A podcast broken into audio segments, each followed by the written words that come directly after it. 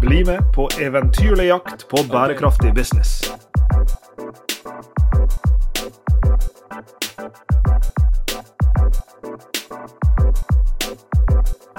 Det er få ting Sveinung, for en ansatt på Institutt for regnskap, revisjon og rettsvitenskap eh, som deg, eh, som vil gjøre deg mer yr i sjelen enn eh, å få lov til å snakke litt om regnskap og økonomistyring. Og ikke minst, hvis jeg slenger på at vi selvfølgelig ikke skal snakke om regnskap og økonomistyring i seg sjøl, men vi skal snakke om det Eller jo, for all del i seg sjøl, men i en sirkulær økonomi.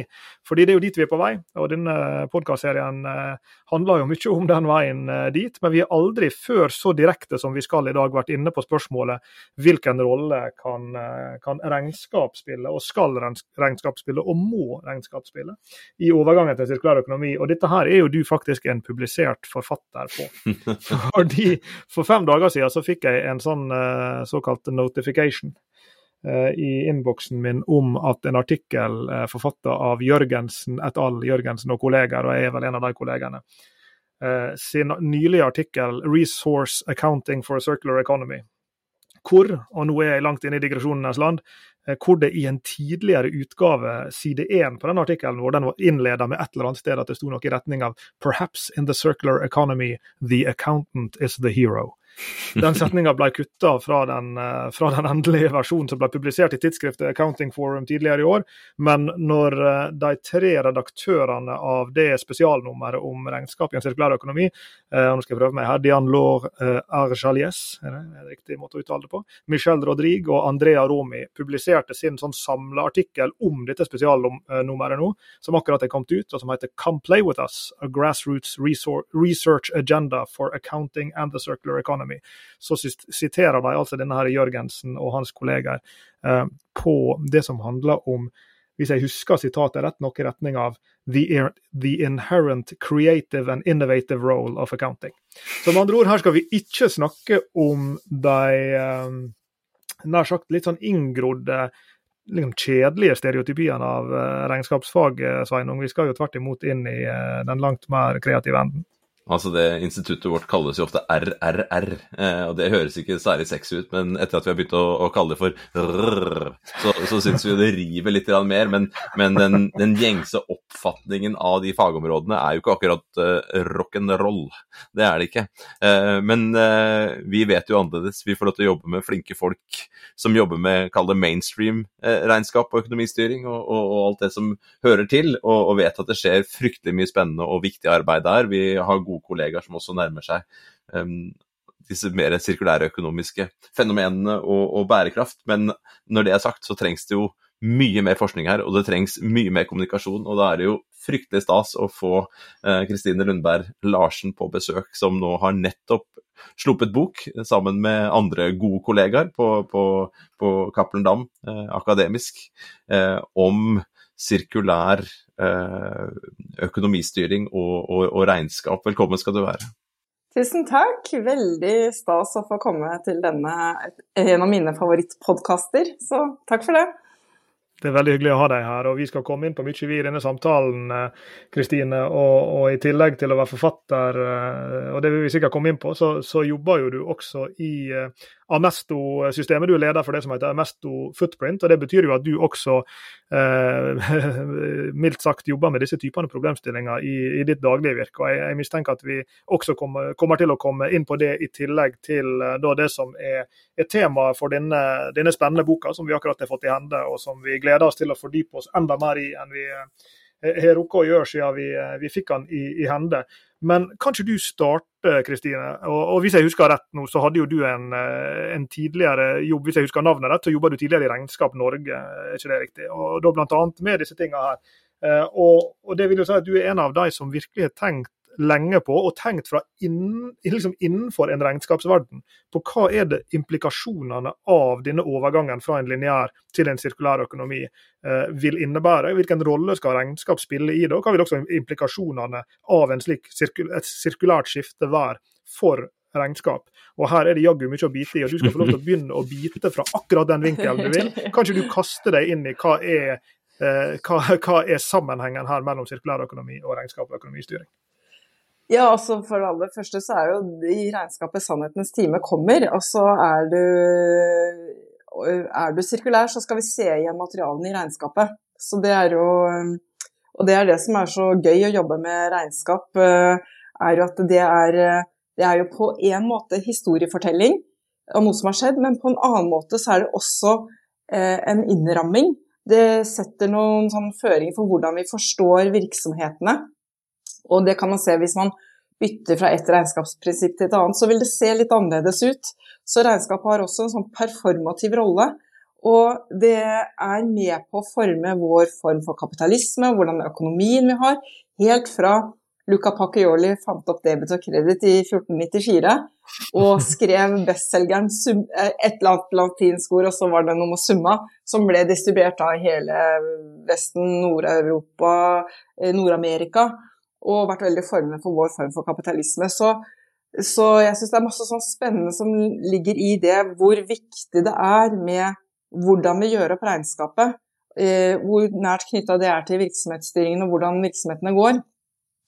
Og i den transformasjonen da, til en sirkulær økonomi, så når vi dykker inn i det, så ser vi at oi, her er det mange bits and pieces som må på plass for at vi skal få til de lønnsomme sirkulære virksomhetene. Og da Eh, er det både regnskapsregelverk, skatt, moms, mange biter. Men faktisk også det at det finnes jo ikke noen regnskapsregel for verdsettelse av brukte materialer. Og, og, det var jeg med på et prosjekt eh, for en del år siden uh, med, i regi av Alan MacArthur Foundation, og vi kom ut med et white paper da, som ble publisert i starten av 2021. Og, og, og, da hadde vi en sånn digital konferanse med deltakere fra hele verden, økonomi- og regnskapsfolk. Og, og det er, det er på agendaen. Da, at det er sånne ting vi må løse. Og det er bl.a. en av de tingene jeg skriver mer om i boken. Men eh, boken i seg da, den kommer som et resultat av uh, en, uh, den sirkulære regnskapsklyngen som vi startet da jeg var leder for Regnskap Norge. Og vi etablerte den altså Det var en sen desemberkveld i 2018. Kjell Tryggestad, han er professor i virksomhetsstyring, han satt på kontoret mitt da, i Regnskap Norge. Og, så, og, vi satt og snakket om det med sirkulærøkonomi og regnskap og økonomistyring. Og så spurte jeg Kjell skal vi ikke rett og slett bare lage en sirkulær regnskapsklynge, hva tror du om det? Og det syntes han var en kjempeidé. Og så begynte vi å tegne på tavla med fagekspertene i Regnskap Norge og de samme fagekspertene hos Høgskolen Innlandet. Og så vi, ble det stifta i januar 2019. Og da vi, ble vi enige om, når vi satt der og jobba, og vi hadde med oss da praktikerne, regnskapsførerne, at vi skal jobbe med konkrete virksomheter som å løse reelle problemer de har for å lykkes med sine sirkulære businesser. Og så skal vi lære av det, så det koster ikke noe penger å være med i klynga, og det er ingen som får betalt, for det er læring som har vært i fokus. Og så har de virksomhetene som har vært inne da, og blitt eh, Ikke maltraktert, men hva skal jeg si De har gått ordentlig inn i forretningsmodellen da, eh, og sett på hvordan er det de gjør opp regnskapet, hvordan tilpasser de seg skatt og moms osv. Og, så og gitt de råd, da, og, og, finansiering, ikke minst. Så har de fått ganske sånne grundige rapporter tilbake, og etter en del år og en del virksomheter vi har tygd oss gjennom, så, så ble det spørsmål da skal vi sitte og holde på det, denne kunnskapen selv, eller skal vi dele den videre? Og hvordan skal vi i så fall dele den? Og da, da kom vi frem til at det, var, eh, at det kunne bli en bok, og det har det blitt, da. Så nå er det mange med i klynga, men vi er ni forfattere av den boken. Det er liksom de kjernefagfolkene som har vært med i klynga.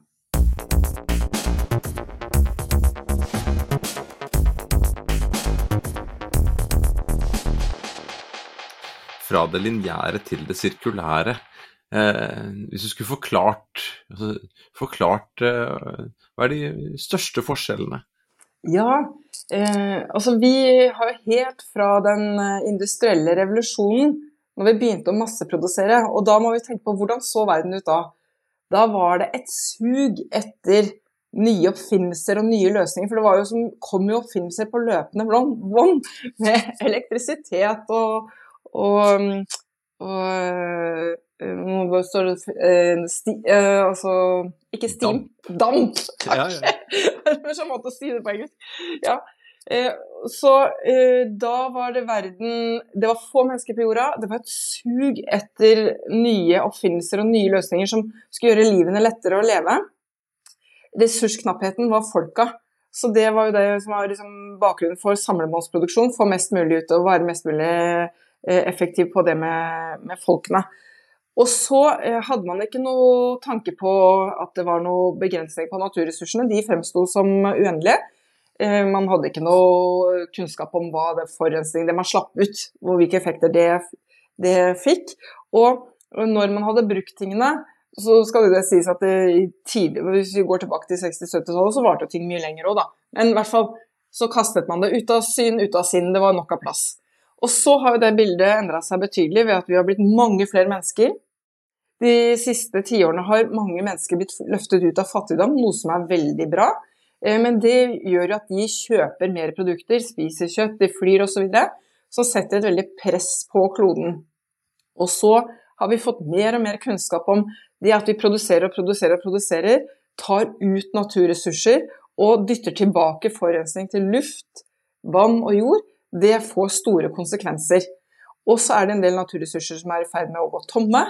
Og så er det masse utslipp knytta til selve produksjonsfasen. Så det å få ting til å vare lenger, dele på det, gjenbruke ressursene osv., det har sånne triple effekter. Vi kan både ha økonomisk vekst, vi kan ta ned ressursuttaket, og vi får mindre klimagassutslipp. Så jeg mener what not to like? altså, vi, fortsatt, vi må jo fortsatt ta ut noen naturressurser, men allerede på designtidspunktet så tenker man igjennom hva skal være første syklus, andre syklus osv. av disse råstoffene vi har tatt ut.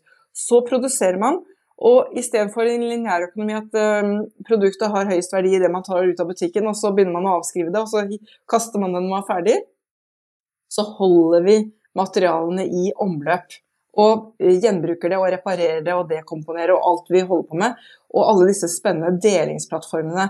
Skal jeg ha tre hull i veggen, er det ikke sikkert at jeg trenger å kjøpe en drill. Kan gå på Jernia og så leie en drill, ikke sant? og så få tatt de hullene, f.eks. Jeg har en legendarisk professor på huset her som heter Kjell Grandhaug. og Han eh, pleide å si til meg når jeg var ung doktorgradsstudent og jeg var litt for ivrig på å sitere meg sjøl.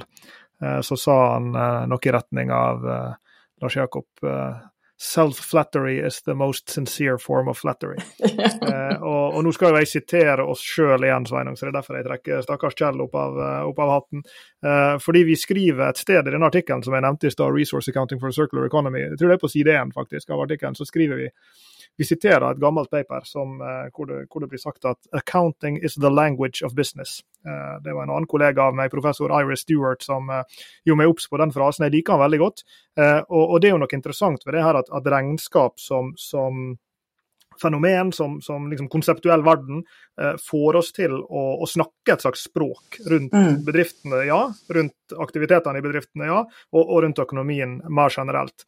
Og så kan du se for deg da at en sånn overgang som du er inne på her, Kristine, og som du forteller så veldig godt om, at, at den kan treffe på mange nivå, og, og liksom i, i liksom varierende grad av uh, kall det storhet, om du vil. Fordi Det ene er sånn på, kall det på, på, det laveste nivå, men det mener ikke jeg å snakke det ned, for tvert imot er det veldig viktig. Sånne ting som det du sa, ja, vi, vi, har ikke en regel for hvordan verdsette brukte byggematerial. Og i seg selv, i en sånn language of business-verden, så forteller jo det oss noe viktig. Hva forteller det oss? Jo, det forteller oss at vi har ikke verdsatt, altså i, i en annen betydning av ordet verdsatt, vi har ikke satt pris på disse eh, brukte byggematerialene. Og så plutselig kommer vi til en verden hvor jo, men nå skal jo business eh, bry seg om disse tingene, her, skal bruke dem på nytt. Det finnes ikke noe sånt som søppel, det finnes ikke noe sånt som byggemateriale som skal hives, nei, det skal brukes igjen. Eh, så, så, det er liksom sånn ett nivå dette her skjer på. Eh, og så på liksom et kall det høyere abstraksjonsnivå, da, så, så når en skriver om the language of business, da, en gjør en gjør språket annerledes. En, en, åpner for da i denne sammenhengen her en sirkulær forståelse av virksomhetene og, og av økonomistyringa av disse virksomhetene også.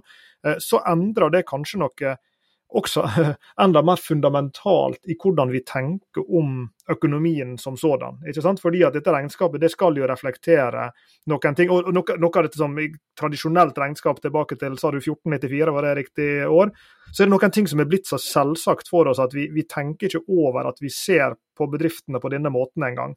Eh, mens nå slik jeg hører da, og slik jeg forstår prosjektet, og correct me if I'm wrong, så driver jo vi altså Vi står på en måte midt i omskrivinga av hele eh, forståelsen av, av, business, og regnskap spiller da en, en nøkkelrolle i det. Er det en, er det en fair forståelse av, av, det større prosjektet dere er en del av her? Ja, det tenker jeg er en fair forståelse av det. og, og det, da, du, da, toucher du inn på en av mine andre hjertesaker. da, da, drar jeg litt ut på siden, men bare fordi at uh, I regnskapet, altså i ryggmargen vår, så har vi det med å samle data, dokumentere og rapportere. Og det er jo en veldig, hva skal jeg si, for oss en veldig inspirerende bok som heter Six Capitals. Uh, the revolution capitalism has to have, or will the accountants save the planet?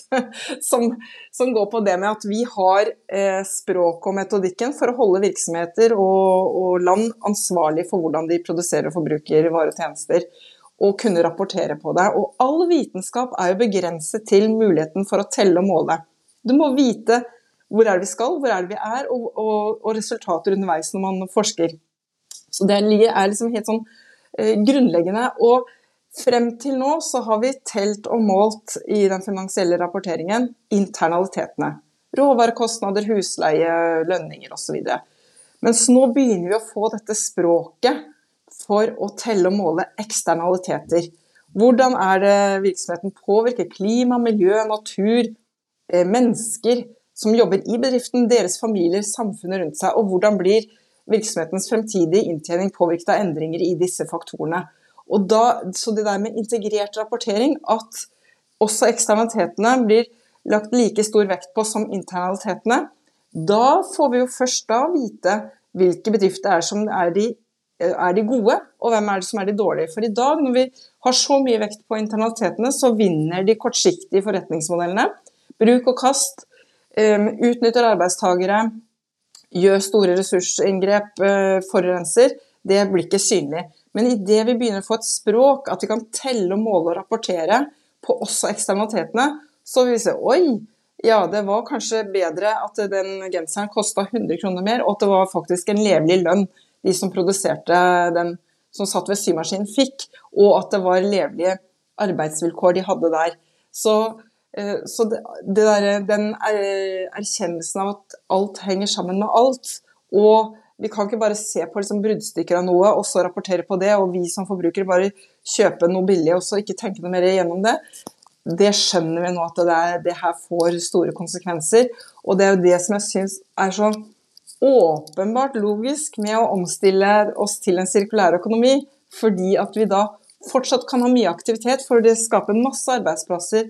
Og det å, å reparere, dekomponere, pusse opp, altså refurbish og remanufacturing, som er kjempestort i Europa. Jeg må bare slå et slag for remanufacturing, European Remanufacturing Network, ERN.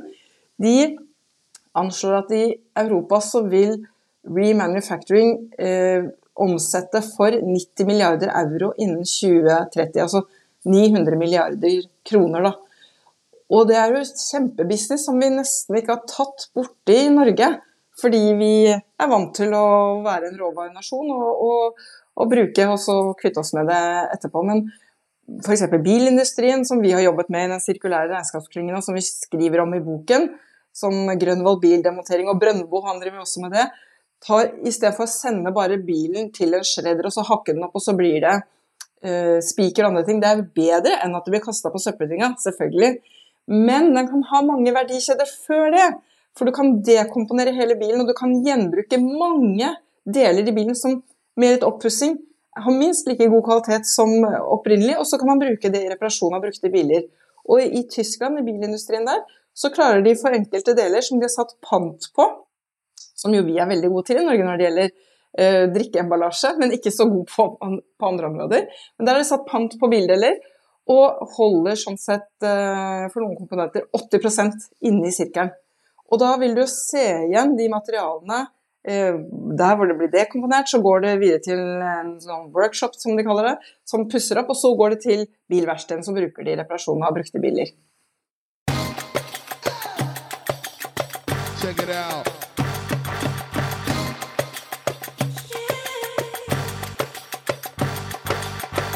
Jeg prøver jo å få unga til å, å si skjøtt og kylling og kjøkken. Jeg mener at de skal være en del av utviklinga, så jeg er jo livredd for at de skal henge, henge akterut.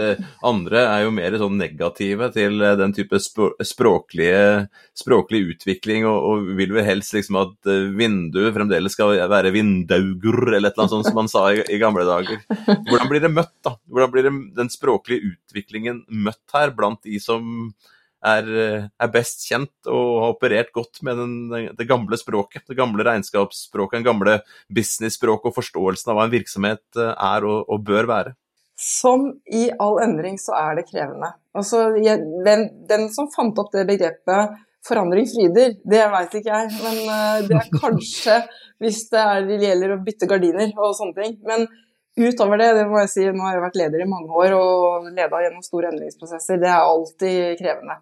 Og vi, som by default så verdsetter vi det kjente eh, mer enn det ukjente. Så, så er, der er du inne på noe som var litt sånn overraskende, burde ikke ha vært det. Men når vi har jobbet med disse forretningsmodellene, og vi har gjort business caser og, og jeg har jo skrevet en master i, i finansiell strategi hvor vi sammenligna en lineær modell med en sirkulær. Og den sirkulære var veldig lønnsom og robust. Og det her var før kriger og det, det, som har vært nå det siste med Ukraina, så vi test, stresstesta med råvarer osv. Mye mer robust enn den lineære. Men virksomheten kommer jo ikke til å endre uh, sin forretningsmodell i overskuelig fremtid. De gjør mye bra i produksjonsfasen. Der, I det her er kontormøbler, da, det de forlater virksomheten, så, så, forholder ikke de seg til kontormøblene lenger. Mens vi, de har testa ut en sirkulær altså seating as a service, altså kontorstoler som tjeneste. Og den var overraskende lønnsom og robust. Og da er det akkurat det du peker på der, Sveinung. Det vil jo disruptere hele deres distribusjonsapparat, hvordan de er bygget opp med agenturer og beslutningsprosesser og nye begreper. Nye, nye former for å se verdiskapning. Fordi at man ikke bare skaper verdi for seg selv, man skaper en verdi for samfunnet òg. Og det her er jo en utfordring for mange av de sirkulære nye virksomhetene at eh, de og finans snakker ikke samme språk. Sånn at eh, når vi gjorde den oversettelsen, så går det fint an å få disse dataene inn i finans sine tradisjonelle kalkyler som neddiskontert cashflow og enterprise value og, og, de modellene de bruker for verdsettelse når de gjør disse investeringsanalysene. Men det er jo det som er utfordringen, at de de forstår ikke hverandre. så, er, så, finans forstår ikke verdiskapningen i, hos de sirkulære, og de sirkulære skjønner ikke hvordan de skal snakke med finans. Og der må vi det rett og slett en sånn oversettelse til, tror jeg. Ja, for det, er jo litt interessant hvor er det motstanden er hen. ikke sant? Og jeg, Vi sitter som sagt på et institutt for regnskap og revisjon og, og rettsvitenskap. og Her er det jo, på nabokontoret sitter det en, en postdok som, eh, fra Finland som heter Tommy, som, som forsker på på regnskap i en sirkulær økonomi. Vi er professorer i økonomistyring her som driver de store MBA-ene i økonomisk styring, som, eh, som hopper i, med positiv forstand hopper i stolen når vi sitter og diskuterer sirkulærøkonomien og hva vil det leiemodeller og slik og sånn. Uh, liksom entusiasmen er stor. Jeg sitter, del, altså jeg sitter, i styret hvor vi får revisor på besøk, og Sveinung jeg jobber jo med Revisorforeningen. Jeg opplever at liksom, entusiasmen hos revisorene er så stor for å liksom få, få, bli en del av dette greiene med bærekraft og med det sirkulære. Og, altså Entusiasmen er gigantisk. Men, men slik jeg hører deg, da, Kristine, så er, er kanskje den største barrieren for denne overgangen her er, er på et vis mer i, i praksisfelt, altså forstått som hos bedriftene som skal her er et kapittel eh, som, som heter 'Finansiering og forretningsmodeller', hvis jeg husker det rett i, i, boka. Og at slik jeg hører diagnosen din, så er det på en måte mer i den enden av landskapet bremseklossene er, er på, mer enn hos de som utvikler regnskapsfaget, hos de som praktiserer regnskapsfaget osv., men kanskje heller hos de bedriftene som har vært vant til å operere under noen gitte forståelseshorisonter, til i det pompøse begrepet, for hva lønnsomhet er. Hvordan tenker økonomisk styring, hvordan tenker regnskap osv. Ja, også, og det er sånn mental, et mentalt skifte, rett og slett. Uh, og så må vi komme litt inn på regelverket òg, for det er også en kjempebarriere. Mm. For hele regelverket er jo laget etter en lineær logikk, naturlig nok. Men, men, for å ta det første først, da, så f.eks. looping, som da lager emballasje for byggeindustrien som er gjenbrukbar. Da. Du, på byggeplasser så ligger det sånn stabler med, med, med, planker, og så er det wrappa inn i masse lag med plast, engangsplast, og så må man skjære av det, og så, så hiver man det. Og mange har blitt flinke til å sortere det, men det, det trenger man ikke. Det, man, de har løsninger som de pakker inn i sånn godt holdbart materiale og strammer til, og så transporterer, og så pakker du ut igjen. Og så tar du vare på emballasjen om igjen og om igjen, og de tar det inn og vasker og, og, og reparerer det hvis det har gått noe sømmer eller noe sånt noe. Men uh, utfordringen der da, har jo vært på kundesiden. For dette innkjøpsavdelingen de er vant til å kjøpe inn, og så eier de det. Så, så, det å omstille seg for, til at nei, vi skal bare leie det, også mentalt det, Kontorstoler òg. Ja, vi skal bare leie Vi skal alltid ha nok kontorstoler. Men eh, det er jo et, eh, et, veldig mye brukt eksempel, og husker ikke om dere har brukt det i podkasten her, dere har det sikkert av den flyplassen på Skiphol som eh, gikk, eh, gikk fra at Philips leverte lysstoffrør og lyspærer, og eh, så klart hver gang da en lyspære røyk, så var det vaktmesteren på flyplassen som måtte kjøpe en ny lyspære hos Philips og bytte ut den gamle, og så hive den gamle. Så gikk de over til en tjenestemodell hvor da Philips Lightning leverer tjeneste, eller belysning som tjeneste. Og da har de jo laget en avtale på at det skal være sånn, sånn kvalitet og ikke nedetid. Og så, det skal ikke være mørkt, da, for å si det sånn. Og da skjer det jo mange spennende ting. For det første så endrer jo insentivene hos Philips seg fra å selge flest mulig lyspærer og lysstoffrør til at det skal være mest mulig lys. Og når en lyspære går, så er det jo Philips selv som må dra ut og bytte den lyspæra, og så må de ta med seg søpla tilbake igjen. Og det som har blitt resultatet, er at de lysstoffrørene og lyspærene og, og, og, så videre, de varer mye lenger. Så de, det er det første. Så de varer mye lenger. Så har de gjort masse innovasjon på hvordan produktene er satt sammen. Så når de tar med søpla tilbake, eller de brukte lysstoffrørene og lyspærene, så dekomponerer de, og så kan de gjenbruke og eh, resirkulere de inn i nye materialstrømmer, inn i nye produkter. Så det er jo så mange spennende effekter ved at de gjør den der omstillingen fra produkt til tjeneste. Men man må jo være litt modig, da. For det, det her blir jo helt annerledes Eh, for den flyplassen enn hva de er vant til også skulle stole på. Da. Eh, så det blir jo mye mer sånn samarbeid i verdikjeden også, ser vi i når man omstiller til en sirkulær forretningsmodell. Man må stole på partnerne sine og satse på at de stiller opp som avtalt. Og så blir det samhandling og dialog. Og mange opplever også da at de får et mye nærere forhold til kundene sine, for de har mye mer eh, jevnlig interaksjon. F.eks. da ta det med kontorstoler. Hvis du har en vedlikeholdsplan og bytter ut slitedeler og passer på dem, så kan du doble gjennomsnittlig levelengde fra fem til ti år. Og da har man en samhandling og en dialog med kunden sin, og sannsynligheten, hvis du da oppfører deg ordentlig og er flink, at de kjøper mer hos deg og blir kunde hos deg lenger, er jo veldig mye høyere enn at du bare har en transaksjon, og så vet du ikke det er helt i det blå om de kommer tilbake neste gang de skal ha nye stoler. Så, så det ligger jo en sånn added value der også, rent bedriftsøkonomisk. Så, så det men det er et skifte i mentalitet, og eh, så er det et skifte i eh, når det gjelder finansiering. Det er litt sånn vi kan sammenligne med da, da IT-bransjen gikk fra dere, dere, er jo Vi er jo voksne alle sammen her rundt bordet. Da vi gikk fra Vi husker å bokse med disketter, ikke sant. Så da mm. hadde de, da hadde de fysiske produkter. Du fikk en boks med disketter og satte inn og oppgraderte PC-en din til nå software as a service. Og det er klart, i den transformasjonen der så blir det kjempepress på likviditeten. For du går fra at du selger noe og får hele gevinsten med en gang med i første transaksjon, til at du får det derre ja, apropos språk, da så er det recurring revenue. sånn eh, gjentagende små eh, inntekter eh, månedsvis eh, fremover. Eh, og eh, når det er produkter du leier ut, så vil du bygge en stor balanse. Fordi du har alle disse f.eks. kontorstolene på balansen din da, som anleggsmidler. Og i en overgangsperiode veldig pressa på likviditet, og fra bankens side, hvis ikke de skjønner hva du driver med, så vil det se ut som du er nærmest illikvid, og de vil bli stressa på å gi deg lån og, og, om du har penger nok til å betale avdragene dine osv. Så, videre. så Så det er det derre De modellene gjør at vi må tenke nytt og må forstå verdiskapningen på en ny måte. Og nå, Jeg blir jo litt ivrig her, da, men vi kan snakke om regelverket etterpå. Men det er, det, jo, det er, jo, mye som må skje på regelverkssiden nå, da. Ja, for du sier mye som må skje, og, og sitter og lurer på, da, etter, etter dette klyngeprosjektet som, som, ble til en bok, har dere nå løst problemet? Har dere løst det språklige regnskapsproblemet, eller krever det fremdeles eh, For én ting er å implementere det, vi kunne jo tenkt at hvis alle nå begynte å si kjøkken og kylling, så var vi up to speed, ikke sant? Men, eller, eller da klarte å tenke da eh, i sirkulære termer rundt det som tidligere har vært et eh, lineært regnskap på et lineært språk. Hadde det da løst eh, Bare tenke litt tilbake på de, de, episodene vi har hatt nå med Northern Playground, vi har sittet her med parkdressen.no, vi har sittet med Inverta Pro og, og, flere andre som prøver å få til noe. da.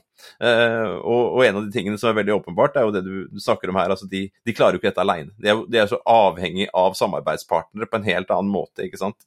Um, og så skal det jo føres regnskap. Så skal man kommunisere med investorer og, og, få de interessert i å bli med på en kanskje litt mer usikker uh, hverdag, hvor parkdressene skal eies av parkdressen.no.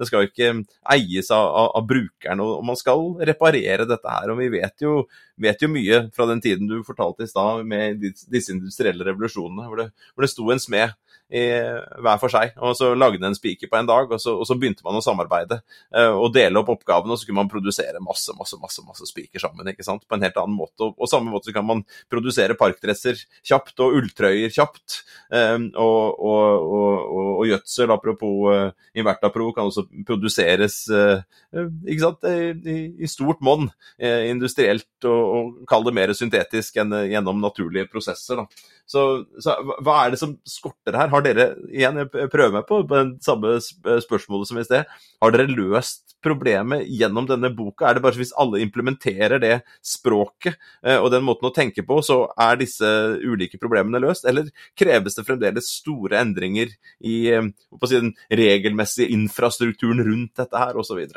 Ja, altså i siste kapittel så Nei, så, så først korte svar. Vi er ikke i mål i det hele tatt. Så det er mm. bare liksom et bidrag på veien, vil jeg si, den boken her, da. Men kanskje litt mer ned i kjernen da, på selve økonomi- og regnskapsdelen av det. Uh, og, uh, men det er uh, Jeg tror det tar tid å, å venne seg til. Og og jeg syns det går treigt, det, det, må jeg si. For meg så er det så åpenbart logisk så mange fordeler med å omstille oss til en sirkulær økonomi. Og, og jeg syns vi har snakka om det en del år nå, men uh, det går sakte, og regelverksutviklingen går sakte. Så vi må jo bare uh, gønne på, så det er ikke noe mer å si. Vi må bare ikke gi oss, og så må vi bare stå i det. Hadde, når det gjelder sånn integrert rapportering, så så var det sånn hjertesukk fra han Kjell Tryggestad at det har vi jo jobba med i 20 år, og det går så sakte. Nå er jeg 51, så jeg sa til Kjell at jeg skal gi resten av arbeidslivet mitt til det. Det er en gode 20 år til. Så får vi se hvor langt vi kommer. Men det har liksom blitt min mission, da. Skal bidra der jeg kan på det området. Men eh, ja, nei, det, det må Eh, og det er jo det som jeg er veldig interessant med, med sirkulærøkonomi, at uh, ingen kan gjøre den transformasjonen alene. Det må skje på tvers av verdikjeder, og vi må ha med oss alle fagdisipliner. Så vi må ha med ingeniørene og biologene og, og økonomene. Og så har min utfordring til regnskap og finans vært at vi er ofte de som eh, står litt bak, bak der det er litt morsommere når jeg sier det, så er det kulere å si det på engelsk. Så We are the dull people who say no. så nå må vi tre ut av den skyggen og gå inn på arenaen og så bidra med fagkompetansen vår, sånn at vi hjelper alle de derre ildsjelene og de gode initiativtakerne til å få sånn fart på det. For det blir ikke noe grønn omstilling med røde tall. Vi må klare å lykkes med å lage lønnsomme forretningsmodeller. Og det er jo dere kjempeflinke til å beskrive i, i det dere jobber med. Hvordan vi skal få sånn fart på det med de lønnsomme forretningsmodellene. hva er det dere sier? Skape, eh, gi og bevare. Skape, levere og kapre. Ja. Skape, levere og kapre. Skape, levere og kapre. Ja, jeg syns Restartboka er jo genial. Det er kjempebra. Sånn, eh, og så er jo den her med regnskap og økonomistyring går litt mer puddingen på det, den delen av sirkulær økonomi. Men det er jo svært. Det, er jo sånn, det griper jo inn i, på alle områder på bedrifter, og som du sa, Lars Jakob, eh, politisk bedrifter og, og som privatperson, da. I min egen karriere, jeg har sagt dette mange ganger i, i mange ulike sammenhenger, kanskje aldri på denne podkastserien, men, men eh, noe av det viktigste som, som skjedde meg i min karriere, tror jeg, det var, det var nettopp når jeg fikk jobb på Institutt for regnskap, revisjon og rettsvitenskap i 2009. Og ikke til forkleinelse for, for eh, strategi og ledelse, fagmiljøet som jeg var en del av før. Men når jeg kom opp her på, i øverste etasje på NHH, eh, så begynte jeg å traske rundt i, på lunsjrommene her og ved kaffemaskinene sammen med folk eh, som er professorer i finansregnskap og økonomisk styring og finans og corporate finance og, nær sagt alle disse fasettene av Kall det eh, liksom, pilarene i liksom, det bedriftsøkonomiske faget. da, Og det var så utrolig viktig del av min sånn faglige utvikling å diskutere bærekraft med de folka der. Ja. Og måtte eh, snak snakke et stykke på vei det språket, bruke den type argumentasjon, men ikke minst, og det er jo det viktigste av, av all slik utveksling, å lære deres perspektiv. Og, og klare å ta dem inn og bruke det inn i min egen tenkning rundt, eh, rundt forretningsmodeller og, og, og bærekraft og, og all den greia der Sveinung, som, som vi eh, har holdt på med hele tida. Eh, og, og, og liksom sånn, Derfor liker jeg så godt å sitte og diskutere med disse eh, ja, skal vi, The dull people, var det? Ja, ja. Fine folk, altså, hele gjengen. For, for er en gjeng. Jeg bare er tuller. Tuller. Men, men, eh, men, men altså, det er jo, det er jo så, så givende å diskutere dette med, eh, med dem. Og, og um, så er det jo sånn at uh, der, der er visse ting en egner seg til i, livet, og visse ting en egner seg dårligere til. Og akkurat det å diskutere med andre, andre fasonger av bedriftsøkonomer, det, det skal en alltids klare. Men det som jeg ikke er så god på, det, det er jo å, å diskutere med jurister. Uh, jeg hadde jo gleden av å sitte i Etikkinformasjonsutvalget som var med å, å utvikle åpenhetsloven, og der satt det noen drivende dyktige og eh, og, og spennende jurister som, som lærte meg uh, mye mer om juss enn jeg trodde jeg noensinne skulle lære. Uh, jeg er fortsatt en amatør, men det som jeg i alle fall forstår da som bedriftsøkonom, det er at alle disse Altså alt det som handler om lovgivning og regulering rundt økonomien, ja, men også rundt alt mulig annet. Det er så utrolig viktig, fordi at da kommer det noen sånne harde beskrankninger rundt ting som har en tendens til å, å ramme inn atferden til folk, beslutningene til folk osv. På, på en slik måte at det virkelig kan, kan gi fart til et skifte. Mm. Eh, derfor eh, eh, ja, siden, jeg, siden jeg drev så mye selvsmiger her, da, så får jeg fortsette ned samme vei. I den grad jeg hadde noe som jeg virkelig spilte inn i disse samtalene i Etikkinformasjonsutvalget den gangen, så var det at vi må få det eksplisitt inn her at dette, dette også må gjelde liksom, i, når vi blir mer og mer sirkulære i økonomien. At vi kom til en verden hvor forretningsmodellene er betydelig mer sirkulære enn de var på det tidspunktet hvor loven ble utforma. Ja, så må vi ta høyde for at ja, da vil det også være et betydelig etterliv for alle produkt, f.eks. Eh, og det vil si at alle sånne arbeiderrettighetsspørsmål knytta til leverandørkjeden, ja, det må også strekke seg til etter avhending av produktet. Og det, eh, det er jo nettopp en sånn type kall det lovregulering av sirkulærøkonomien som, som jeg går ut ifra at du, du viser til når du, eh, når du sier at vi, det trengs mye lovgivning her. Men kan ikke du ta oss, for du er nikka fram mot disse eh, liksom viktigheten av, eh, av reglene og regelverket og, og lovgivninga. Ja. Kan ikke du ta oss litt, med, litt mer med inn i den eh, grøten der? Jo, og um, altså for veldig mange produkter, bare for å ha med seg det, da, så kommer 80-90% av klimagassutslippene kommer i selve produksjonsfasen. Det er jo derfor det er så viktig å designe for varighet og, og gjenbruk. Eh, og så, um, så det er jo den, eh, den, den eh, transformasjonen der over til det. Eh, og så er det kjempebra, det må jeg bare si, at forskriften for offentlige anskaffelser nå endres. Og fra 1.1.2024 så går det fra at eh, man i offentlige anskaffelser kan vekte bærekraft eh, opp til 30% så vil det fra 1.1 eh, gjelde at offentlige anskaffelser skal vekte bærekraft minst 30 Og offentlige anskaffelser er over 700 milliarder i året i Norge. Så det, er en regelendring som, eh, blir bra. Men øh, så, så, var det det vi har snakket om, det finnes ikke noen regnskapsregel for verdsettelse av brukte materialer.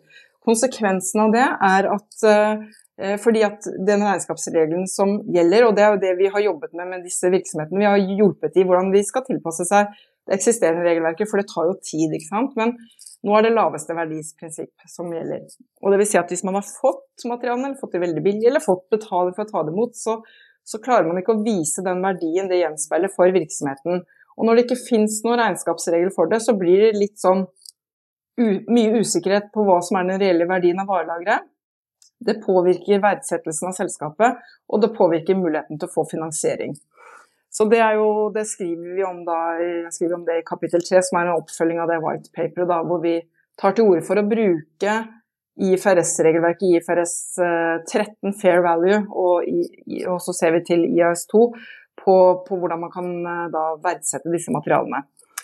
Eh, så er det det med Vi var innom det i sted på hvordan er det vi forholder oss til noe som har null i verdi.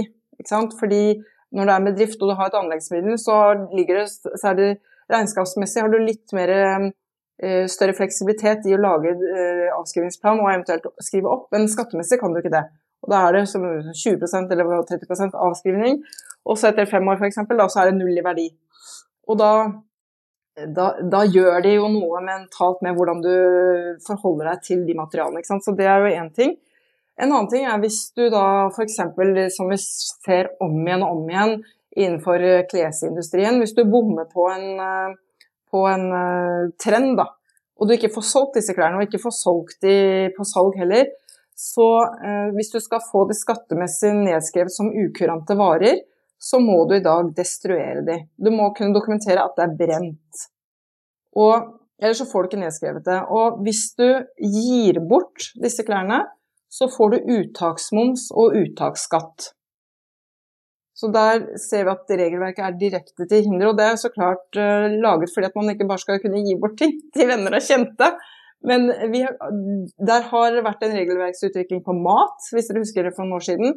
Da måtte jo restaurantene, var samme regel der, så de måtte jo kaste mat uh, de ikke hadde fått solgt, bakerier osv. Eh, for ellers så måtte de betale uttaksmoms og uttaksskatt. Men det ble endra der, og det mener jeg at det kan, det kan man også gjøre, få til på andre, på andre områder enn mat. Og skal vi se, nå skal jeg bare Jeg hadde en liten sånn uh, Ja, opp her på akkurat viktige momenter her å huske på. når det gjelder Ikea f.eks. og Bergans, som da tester ut det å kjøpe tilbake brukte produkter og reparere de og selge de igjen.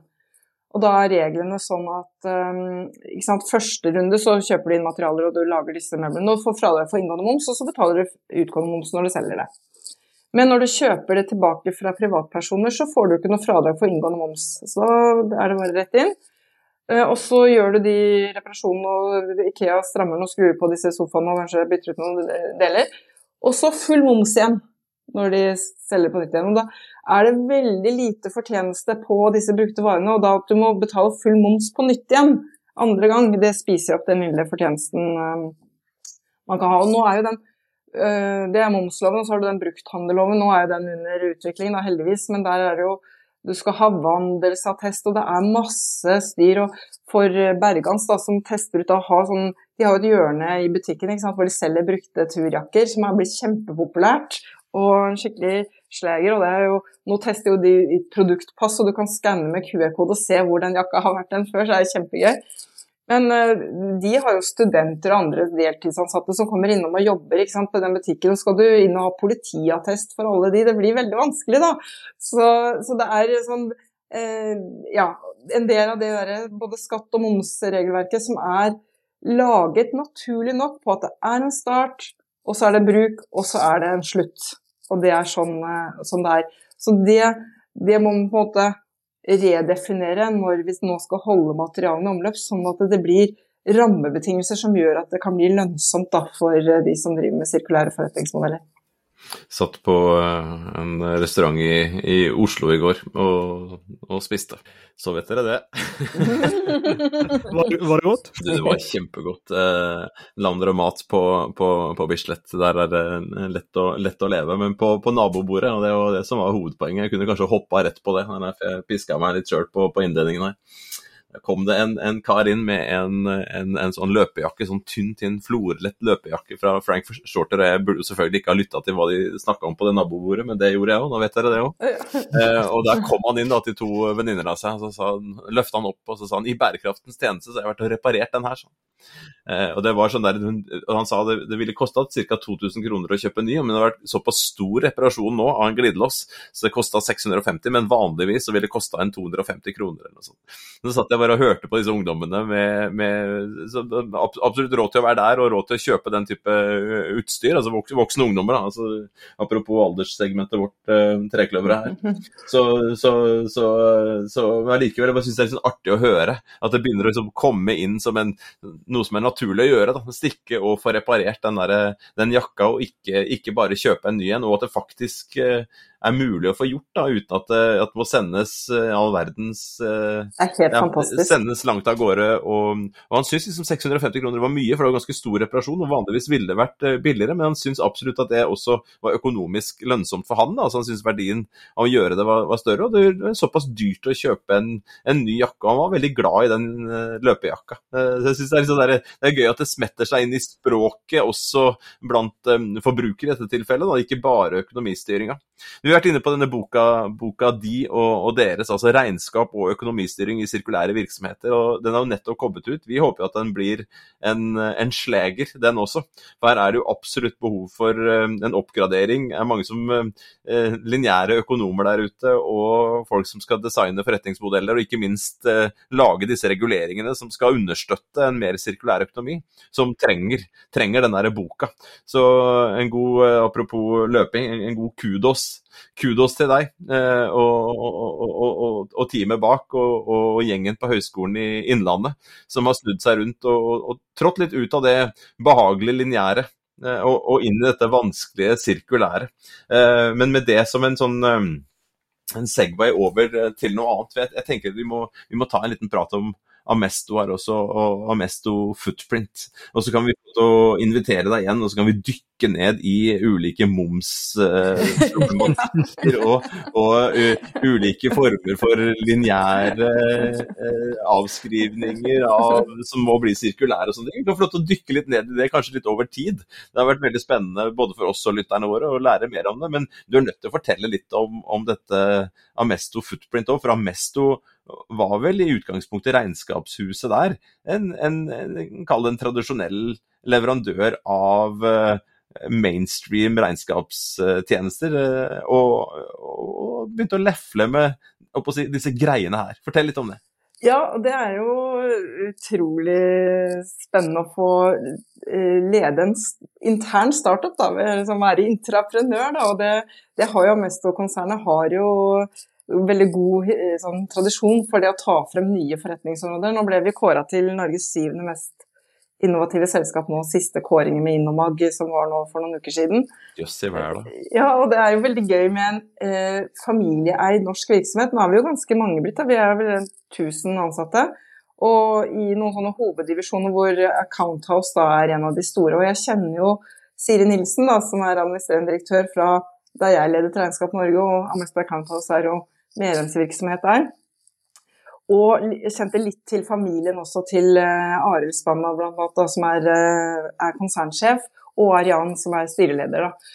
Så, um, så Amesto-konsernet har jo styrt etter trippel bunnlinje i mange år allerede. og det, liksom, det ligger egentlig i familien helt fra de startet. Uh, det var jo etter annen verdenskrig at bestemoren til Arild og Arian og Jan hun satt i, igjen alene med to små barn.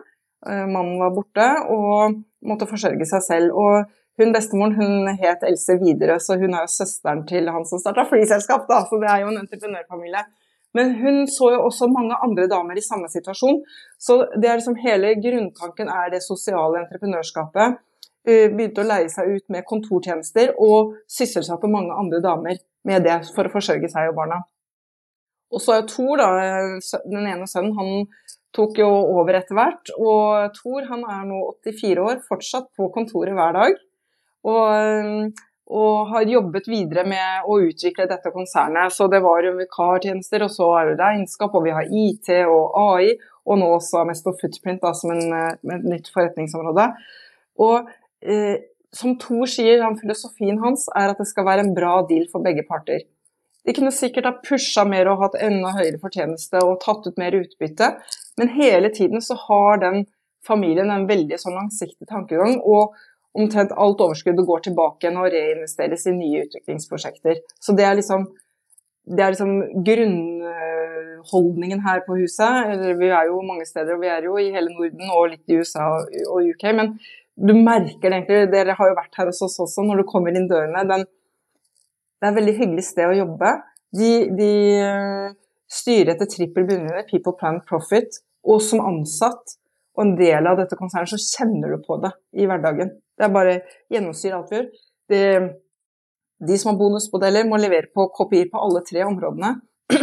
og Siri, da, som er, eh, som er eh, også gammel revisor og gått på NHH og, og mange års erfaring som CFO i store selskaper, det å komme inn og, og hennes nysgjerrighet ble også vekket.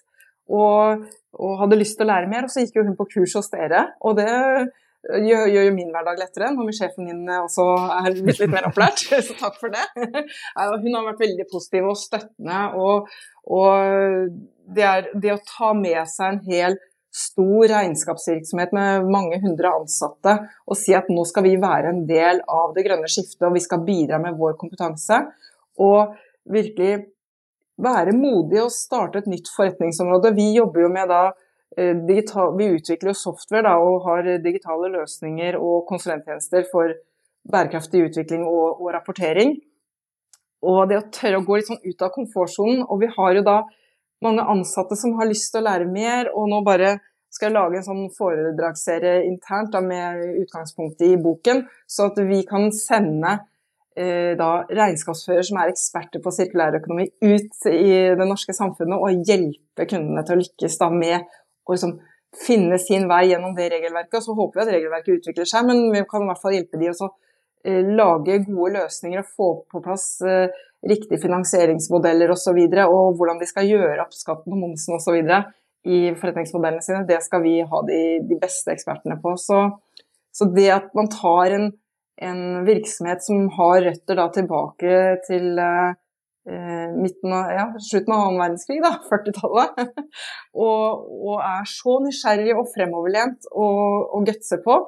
Det er utrolig gøy å få være med en, som en del av det laget, altså. Det må jeg si. Det er godt å vite, og det er godt å tenke på at uh, en dag så bestemte Regnskap Norge seg for i sånn nesten James Bond-aktig ånd å sende en undercover-agent ut i verden, ut i næringslivet, for å drive agitasjon for å dulte bedriftene både direkte og indirekte i retning av en mer sirkulær økonomi. Og det applauderer vi, Kristine. Vi er veldig uh, store fans av den jobben du gjør med gjennom Amesto, eh, gjennom eh, kunnskapsutviklinga som boka er ett av eh, mange eksempler på. Og vi kommer til å følge dette viktige arbeidet framover her fra øverste etasje på NHH, hvor folk sitter og, og tenker på disse tingene her, med både regnskap, med økonomistyring og ikke minst med sirkulær økonomi. Så tusen takk for at du ble med på Bærekraftseventyr i dag for å gi oss et lite innblikk i dette, og så gleder vi oss til veien videre. Tusen takk for uh, at jeg fikk være med. Alltid veldig inspirerende og gøy å snakke med dere to. Så jeg bare gleder meg til neste møte. Det blir uh, Tusen takk. Du har hørt på Bærekraftseventyr med Jørgensen og Pedersen. Send e-post til eventyr.krøllalfa.jorgensenpedersen.no for å stille spørsmål eller komme med forslag til tema for fremtidige episoder. Og besøk jorgensenpedersen.no for mer informasjon om denne podkastserien. Okay. Derfra kan du også fortsette samtalen med oss i sosiale medier på Twitter, Facebook, LinkedIn, YouTube og andre steder.